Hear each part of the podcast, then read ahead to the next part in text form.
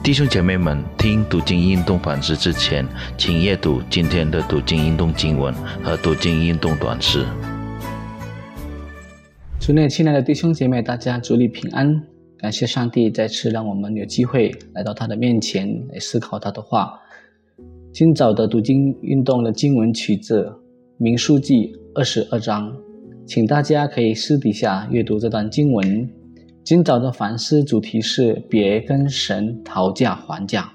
在还没有思考神的话之前呢，我们同心祷告。天父，我们感谢你带领我们又进入新的一天，这是你给我们的恩典，让我们继续靠着你的恩典，心意更新而变化，借着被你的话语所充满，真理充满我们的生命，让我们生命也不断改变。能够学像我们主耶稣基督的样式，我们把以下的时间完全恭敬的交托，求上帝你的圣灵与我们同在。祷告奉靠我主耶稣基督的圣名祈求，阿门。弟兄姐妹，民书记二十二到二十四章呢，记载摩亚王因为害怕以色列人的强大，而用尽各种手段，想说服巴兰。替他咒诅以色列这个人民。详细的故事呢，可以阅读这三章的整段经文。故事记载，上帝呢屡次警告巴兰不可咒诅以色列民，因为神知道巴兰有贪婪的心，才再三的提醒他，甚至叫驴开口向他说话，为的就是提醒巴兰万不可违背。上帝的意思，虽然在这次的诱惑当中呢，巴兰他遵守神的命令，但是后来发生的事情，让我们晓得巴兰还是没有持守到底。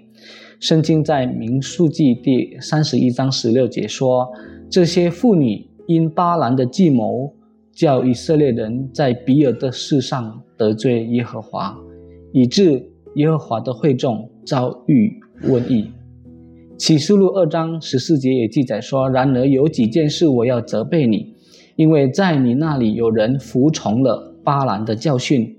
这巴兰曾教导巴勒将绊脚石放在以色列人面前，叫他们吃祭偶像之物，行奸淫的事。”弟兄姐妹，从巴兰的故事，我们可以学到什么功课呢？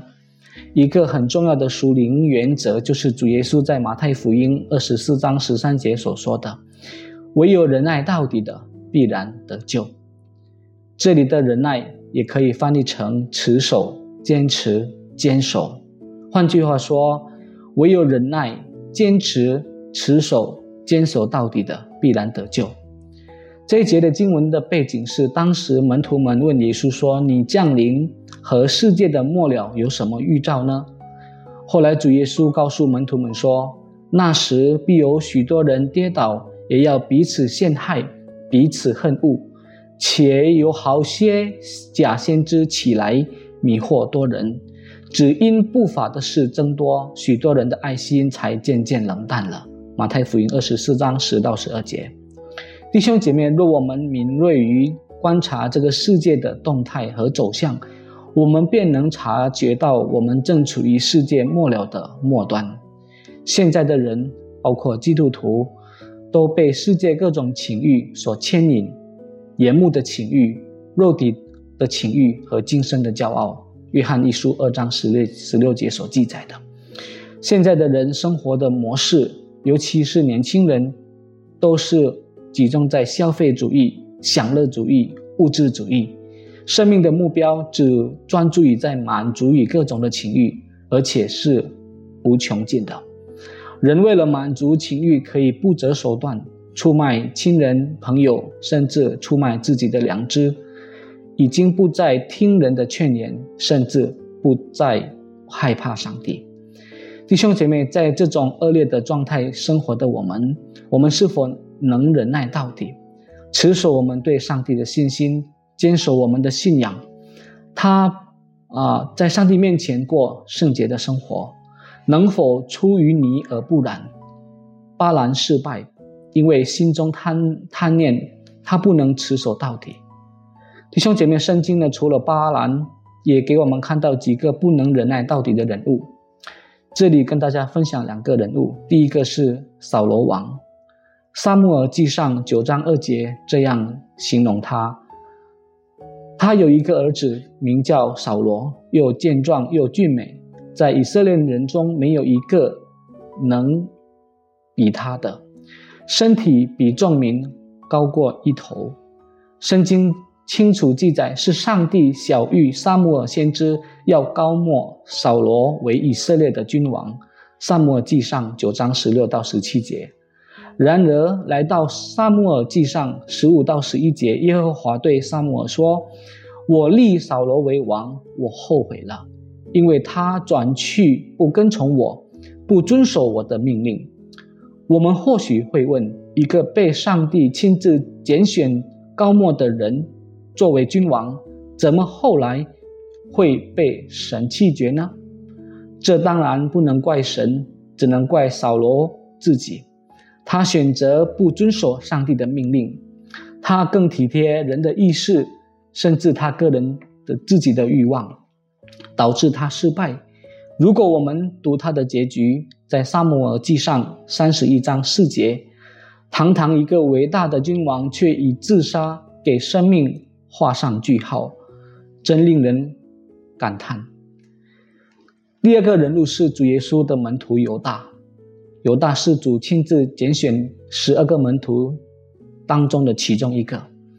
我相信，在三年多跟随主的旅程当中，主肯定每次提醒他有关他贪财的这个恶习惯，但是他肯定每次都不理会，甚至到后来变本加厉，把主也给卖了。他也以自尽结束生命，多么的悲惨！弟兄姐妹，我们又如何？今天我们都是承认说我们是跟随基督的人，我们是被拣选的人，我们是否能够持守信仰到底？是否在这个邪恶的时代能够过一个无瑕疵、无可指责的生命？正如彼得后书三章十四节提醒我们：“亲爱的弟兄啊，你们既盼望这些事，就当殷勤。”使自己没有玷污，无可指责，安然见主。